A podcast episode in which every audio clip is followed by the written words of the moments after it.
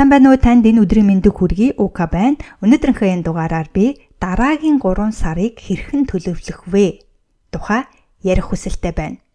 Яагаад би өнөөдөр энэ бичлэгийг оруулах болсон бэ гэвэл 2021 он дуусахад ердөө 3 сар үлдчихэд байна. Тийм болохоор би таныг энэ оноо үр бүтээлтэй өнгөрөөгөөсэй гэж бодож байгаа учраас дараагийн 3 сараа төлөвлөхөд нь туслая гэж шийдлээ л дээ.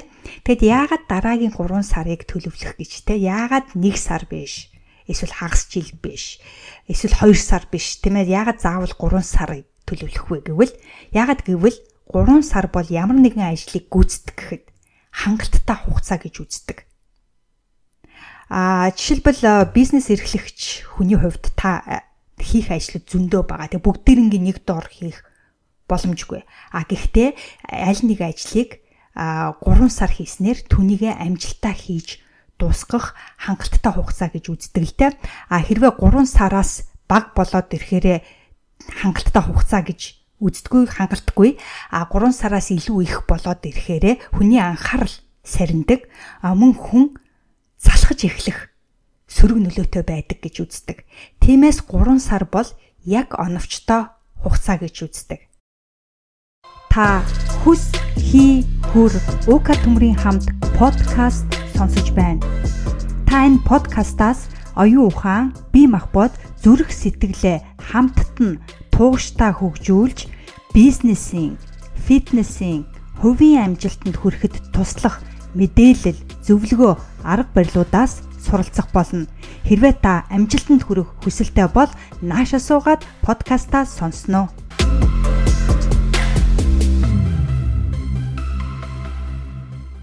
За тэгэхээр дараагийн 3 сарыг хэрхэн төлөвлөх вэ тухай яри. Тэгэхээр үүнд би 5 алхмыг оруулж байна. Хамгийн ихний алхам юу вэ гэвэл та дараагийн 3 сард яг юу хийх вэ гэдгээ тодорхойлно. Юун дээр анхаарах вэ, юун дээр ажиллах вэ гэдгээ маш сайн нарийн тодорхойлох болно. Мэдээж бизнес эрхлэгчийн хувьд би түрүүн хэлсэн а хийх зүйл зөндөө байгаа тийм ээ. А гэхдээ бүгдээрингийн нэг дор хийх боломжгүй. А жишээлх юм бол таны тийм ээ энэ жилийн зорилго вебсайт хийх байж болно. Аль болох олон видео бичлэг тийм ээ YouTube бичлэгүүд хийх байж болно. Захим сургалтууд шинээр гаргах байж болно. Ном бичих байж болно. Шинэ бүтээгдэхүүн нэг зах зээлд таниулах байж болно. Шинэ бүтээгдэхүүн бүр цоо шинээр гаргаж ирэх байж болно тийм ээ шинээр худалдан авахчд олох байж болно. Тэгэхээр энэ бүгдийг нэг доор хийх боломжгүй. Тиймээс хамгийн түрүүнд дараагийн 3 сард аль алин дээр нь ажиллах вэ? Алин дээр нь ажиллах вэ гэдгийг маш сайн нарийн тодорхойлно. Аа жишээлх юм бол имэйл листээ нэмэгдүүлэх байж болно. Зөвхөн имэйл листээ нэмэгдүүлэх дээр би дараагийн 3 сард анхаарлаа төвлөрүүлнэ гэдэг ч юм уу тийм ээ. Эсвэл зөвхөн бизнес ээл гаргаж ирэх тал дээр би дараагийн 3 сар ажил анхаарлаа төвлөрүүлнэ. Эсвэл зөвхөн подкаст хийх дээр эсвэл шинэ бүтээгдэхүүн нэг зах зээл дээр танилцуулах дээр ажиллах болно ч гэдэг юм уу. Цахим сургалтууд гаргаж ирэх дээр ч гэдэг юм уу тийм ээ. Тэгэхээр дараагийн 3 сард яг та юу юун дээр ажиллах вэ? Эсвэл ганцхан юм дээр үү, хоёр юм дээр үү, гурав яг юун дээр ажиллах вэ? Түүнийгээ тодорхойлно гэсэн үг. А ингээ хоёрдугаарт а тухайн гүйцэтгэх ажлаа дотор нь задлана. Задлж төлөвлөнө.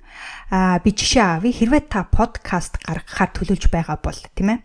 Та юугаар яаж подкаст хийхээ төлөвлөнө гэсэн үг л дээ. Хичнээн дугаар гаргахаа төлөвлөнө. Тэгээд яг ямар хүмүүсийг үрж ярьсан. Жишээлбэл та ярьслах хүмүүсээс ярьслага авах хүсэлтэй байгаа бол ямар ямар хүмүүсээс ярьслага авах вэ? гэдгээ төлөвлөдөг юм уу тийм ээ. А хэрвээ та хүмүүсээс ярьслага авахгүй өөрөө те соло подкаст хийх хүсэлтэй байгаа бол та ямар ямар сэдвээр ярих вэ? Түүнийг бэлдэх жишээртэй.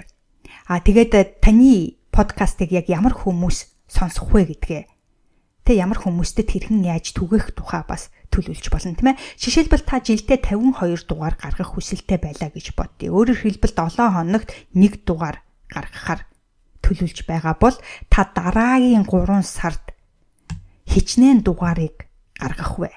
Зарим хүмүүс 3 сардаа жилийнхээ подкастыг хийгээд дуусгачдаг. 3 сард за нь 3 сард ерөөсөө бүтэн жилийнхаа подкастыг бэлтчихье. А тэгээд бэлтснийгээ 7 хоног бүр жижиг жижигээр цацхаар цагийн хуваарьтаа оруулах жишээтэй.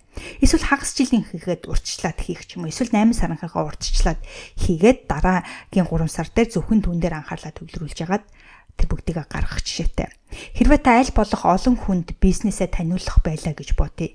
Аа тэгэхээр бизнесээ олон хүнд танилцуулахын тулд хамгийн түрүүнд хийх ажил юу вэ гэвэл мэдээж зар сурталчилгаагаа орно. Тийм ээ тэгэхээр зар сурталчилгаагаа дотор нь зардал задлна гэсэн үг л дээ. Үүнд телевиз радиогийн зар гүйлгэгч байдаг юм уу сошиал медианууд дээр идэвхтэй болох тийм ээ идэвхтэй болохын тулд яг юу хийх вэ гэдгээ тодорхойлох аль болох олон ярилцлаганд оролцох уу тийм ээ эсвэл аль болох олон хүмүүсийг зочнороо авчирж ирж ярилцах уу тийм гэх мэт яг хэрхэн яаж ажиллахаа бүгдийг задлж бичнэ гэсэн.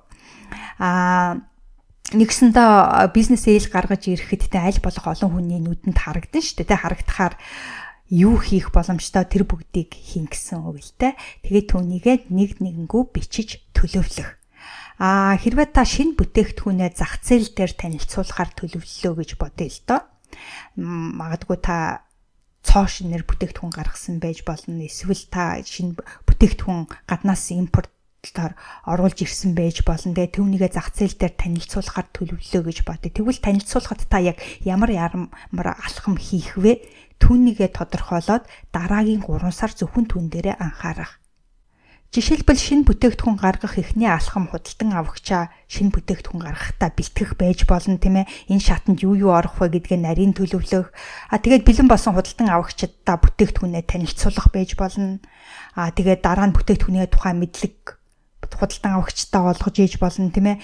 Тэгээд борлуулалтаа хийх жишээтэй а үүний тулд яг яах ёстой вэ гэдгээ нарийн задлж бичнэ гэсэн үг.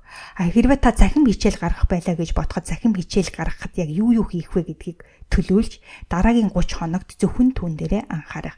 Имэйл листэ нэмэгдүүлэхээр байлаа гэж бодъё тэгвэл үүний тулд юу юу хийх вэ? Гэдгээ тодорхойлно. Жишээлх юм бол хүний имэйлийг авахын тулд тийм ээ хүний имэйлийг зүгээр авчихж болохгүй шүү дээ тийм ээ. Тэгэхээр тэр имэйлийг авахын тулд түүний оронд та юу өгөх вэ? гэдгийг бодоод түүнийгээ бэлтгэхийн тулд та юу юу хийх вэ гэдгийг тодорхойлох байж болно тийм ээ. А тэгээ бэлэн болсныгоо яаж олон хүмүүст мэдэгдэх вэ гэдгээ бас тодорхойлж болно. Тийм учраас юу бүгд хийн тэр бүгдийгээ маш сайн дотор нь задлж бичнэ гэсэн үг. А тэгэхээр эхний алхам а яг юу хийхэд тодорхойлно хоёр дахь хаална тэр хийх гэж алхам бол хийх гэж байгаа зүйлээ дотор нь задлна гэсэн үг л дээ. А ингээ гурав дахь алхам юу вэ гэвэл а энэ нөгөө дараагийн 3 сараа жижиг жижигээр сар сар сараар болгон хуваагаад нөгөө хийх гэж байгаа задлсан ажлуудаа хуваарлна гэсэн үг. Тэгэхээр эхний сард нь та яг юу хийх вэ? Хоёр дахь сард нь та яг юу хийх вэ? Гурав дахь сард нь та юу хийх вэ гэдгээ бүгдийг хуваарлж хийн гэсэн үг л дээ. Жишээлбэл та дараагийн 3 сард подкаст хийхээр бол түрүүн хэлсэн зарим хүмүүс бүтэн жилийнхээ дугаарыг урьдчилж хийдэг, зарим нь 8 сар, зарим нь хагас жилийнхээ дугаарыг урьдчилаад хийгээд а түүнийгээ жижиг жижигээр 7 хоног бүртэн түгээдэг байх жишээтэй те.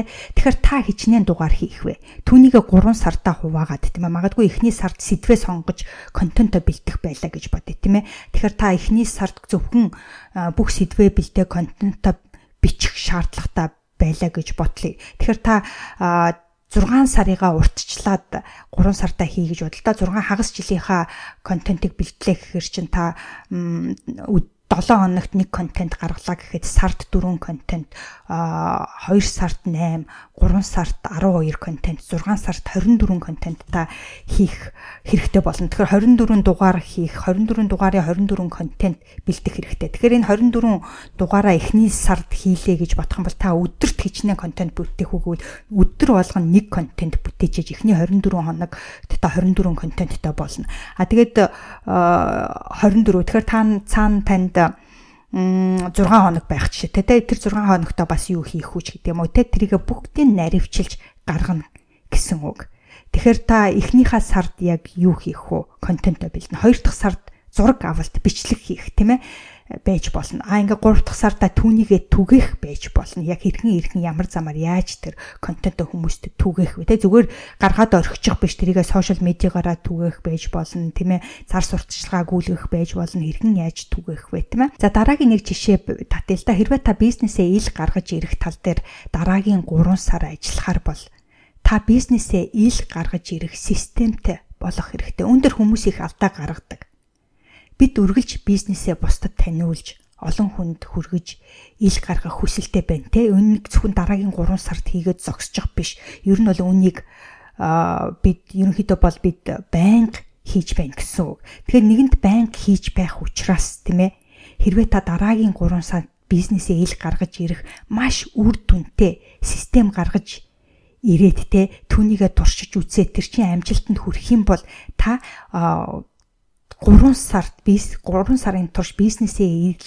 гаргаж ирэх системтэй болж болчихлоо гэж ойлгож болно. А тэгээд тэр системээрээ ажилласнаар таны бизнес олон хүнд танигдах болно. Ингээд системээр ажилласнаар та маш их олон цаг хэмнэх болно. Маш их хурдан үр дүнтэй байж тийм ээ амжилтанд хүрэх боломжтой. А хэрвээ та шинэ бүтээгдэхүүнээ тийм ээ дараагийн 3 сард зах зээл дээр танилцуулах гэж байгаа бол мөн ялгаагүй шинэ бүтээгдэхүүн танилцуулах системтэй болох жишээтэй. Ингэснээр шинэ бүтээгдэхүүн гаргах болгондоо юу блэ яах блэ гэхгүй яг л нөгөө бүтээсэн системээрээ ажиллана гэсэн үг.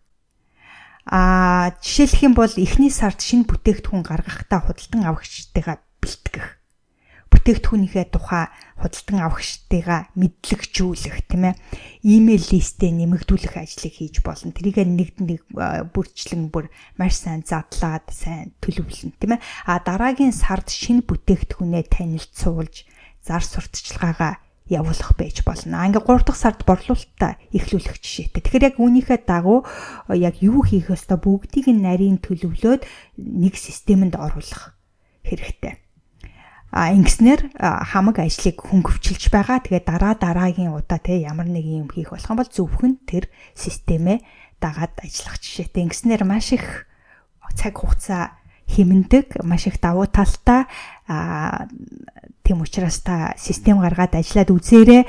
А тэгэх юм бол хэрхэн үр дүнтэй байдгийг та өөрөө мэдэх болно.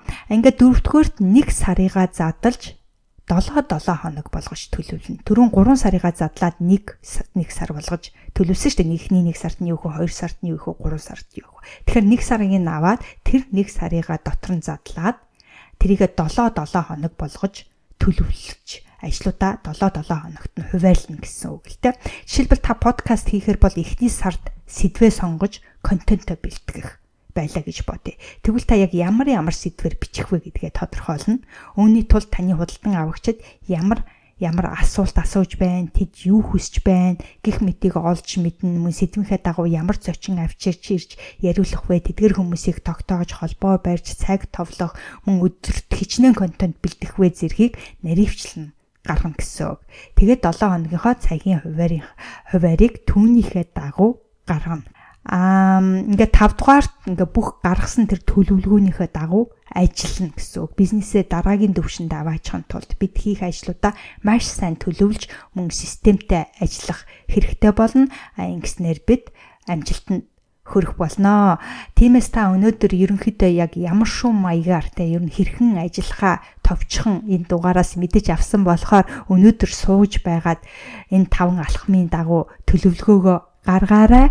А тэгээ төлөвлөгөөнийхөө дагуу ажилласнаар та энэ оноо үр бүтээлтэй өнгөрөөж мөн эх ондооч гэсэн их зүйлийг хийж бүтээх болно. Хэрвээ танд өнөөдрийн дугаар таалагдсан бол таалагдсан гэдгээ илэрхийлээд сэтгэгдлээ үлдээгээрээ мөн миний дараагийн дугаарыг алгасахгүй сонсох хүсэлтэй байгаа бол та миний подкаст subscribe хийгээрэй.